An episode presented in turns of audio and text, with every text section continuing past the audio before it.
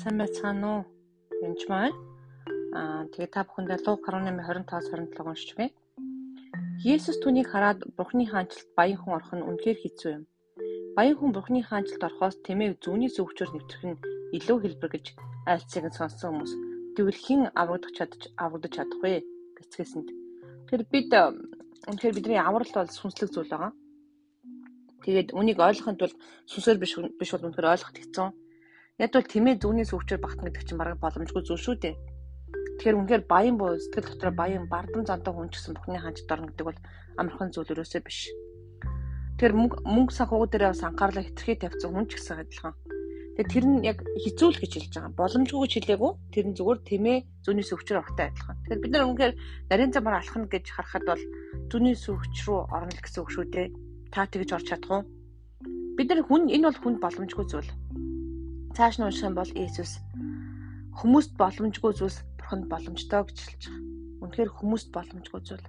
Тэгэхээр бид үнэхээр эзнийг хүлээж авсанасаа дараа бүх чадлаараа өөртөөхөө би л 15 таахтай зорилго тавьсан байгаа. Би Америкт очиж сурна, амьдрна, би хүүхдээ олно, хүнтэй суун, тэгээд байртай машинтай болно. Ингэн тэгнэ гэж зөндөө зорилго тавьсан л та. Тэгээд тэр бүх ажилдаа үнэхээр би өөрөө чармаасан байгаа зүтгэсэн байна.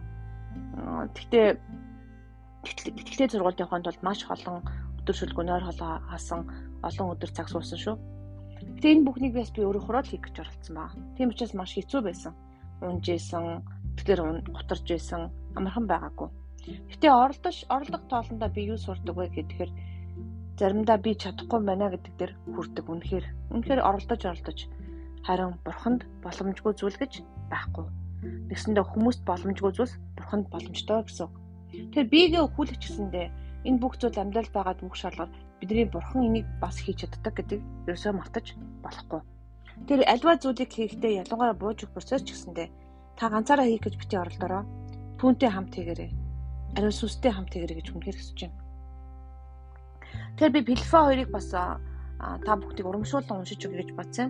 Тиймээс хэрэг Христ дотор ямар нэгэн дэмжлэг байгаа бол хэрэг хайрын тайвшрал байгаа бол хэрэг сүнсний нөхөрлөл байгаа бол инэрэнгүй болоод өрөвчгөн сэтгэл байгаа бол адил сэтгэж адил хайртай байж сэтгэлээрээ нэгдэн нэгэн бодолтой байж намааг гүйцэд баярлуулаа гэж.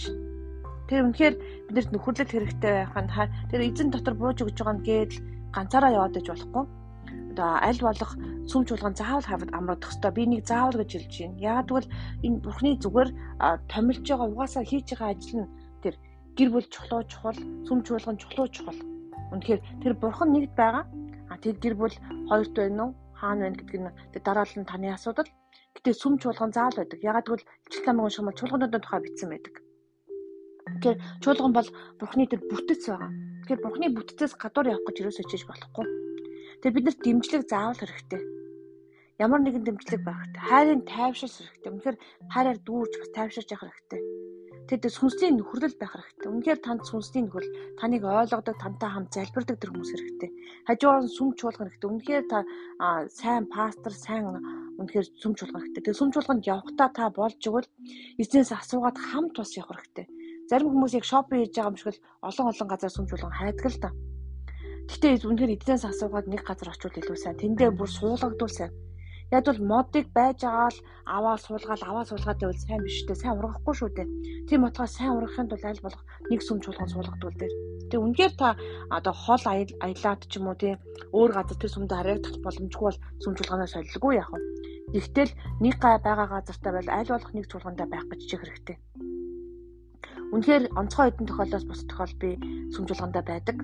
А тэгэд үнэхээр чиний одоо хавчигдаад үнэхээр тухайн чуулганд хавчигдаад хэцүү байгаа да болвол гэхээс өөрийнхөө хүслээр ч юм уу пассер таалагдахгүй хин нэгэн таалагдахгүй сүмэн гişүү таалагдахгүйс болж сүм чуулганаас ирнэ бол болохгүй гэж боддог. Яг бол асуудал тэр хүмүүстэй шарин тухайн хүнд байна л гэсэн үг. Олон сүм чуулган солиод байгаа хүний хувьд бол харин анх удаа явж байгаа эзэн тамааг чи тэншээ очиж ийшээ очиж үзүүлж байгаа бол тэр бас болохгүй ш болно өөр чуулгануудыг харуулж бас сурвалжлуулж байж ч бас болно. Магадгүй тэр олон чуулганд үйлчлэх хүн бас байж болно. Чиний олон чуулганд үйлчлэх хүн байсан ч гэсэн та өөрийн гэсэн одоо home church буюу нэг сүм чуулгантай байвал их зүгээр байгаа.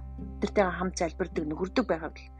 Тэгээ та бас инэрэнгүй болоод өрөвчөн сэтгэл байгаа бол адил сэтгэж, адил хайртай байж, итгэлээрээ нэгдэн, нэгэн бодолтой байж намааг үүсэд баярлуулаа гэж Иесус хэлсэн байна.